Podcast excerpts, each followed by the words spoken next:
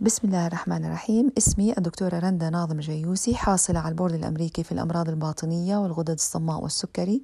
عملت في الولايات المتحدة لمدة 20 عام والآن أعمل في عيادة السكري والغدد الصماء في المركز العربي منذ عامين. في العيادة نقوم بعلاج مرض السكري وأمراض السمنة وأمراض الغدة الدرقية والنخامية والكظرية وهشاشة العظام. الآن سنتحدث اليوم عن مرض السكري باعتباره الأكثر شيوعا في المجتمع الأردني. آه، فيرتبط مرض السكري ارتباطا وثيقا بأمراض القلب وضغط الدم والسمنة وجلطات الدماغ وأمراض العيون. من أعراض مرض السكري العطش الشديد كثرة التبول وفقدان الوزن.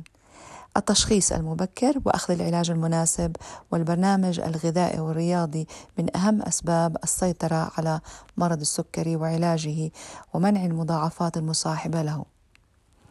علاج مرض السكري لا يقتصر على علاج سكر الدم فحسب بل يشمل كذلك متابعة وعلاج الأمراض المصاحبة له من ارتفاع دهنيات الدم ومتابعة فحص العيون والكلى والسمنة المصاحبة لمرض السكري والتهاب الأعصاب والجلد وغيرها.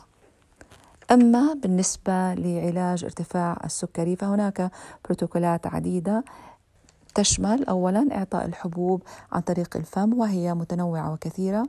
ثانيا الإنسولين عن طريق الجلد. وثالثا هناك أدوية أخرى تعطى تحت الجلد وتساعد على تخفيض الوزن والسيطرة على السكري. المتابعة المنتظمة لمرض السكري والحفاظ على معدل التراكمي ضمن الحدود الطبيعية هو من أهم أسباب منع مضاعفات مرض السكري. وشكرا.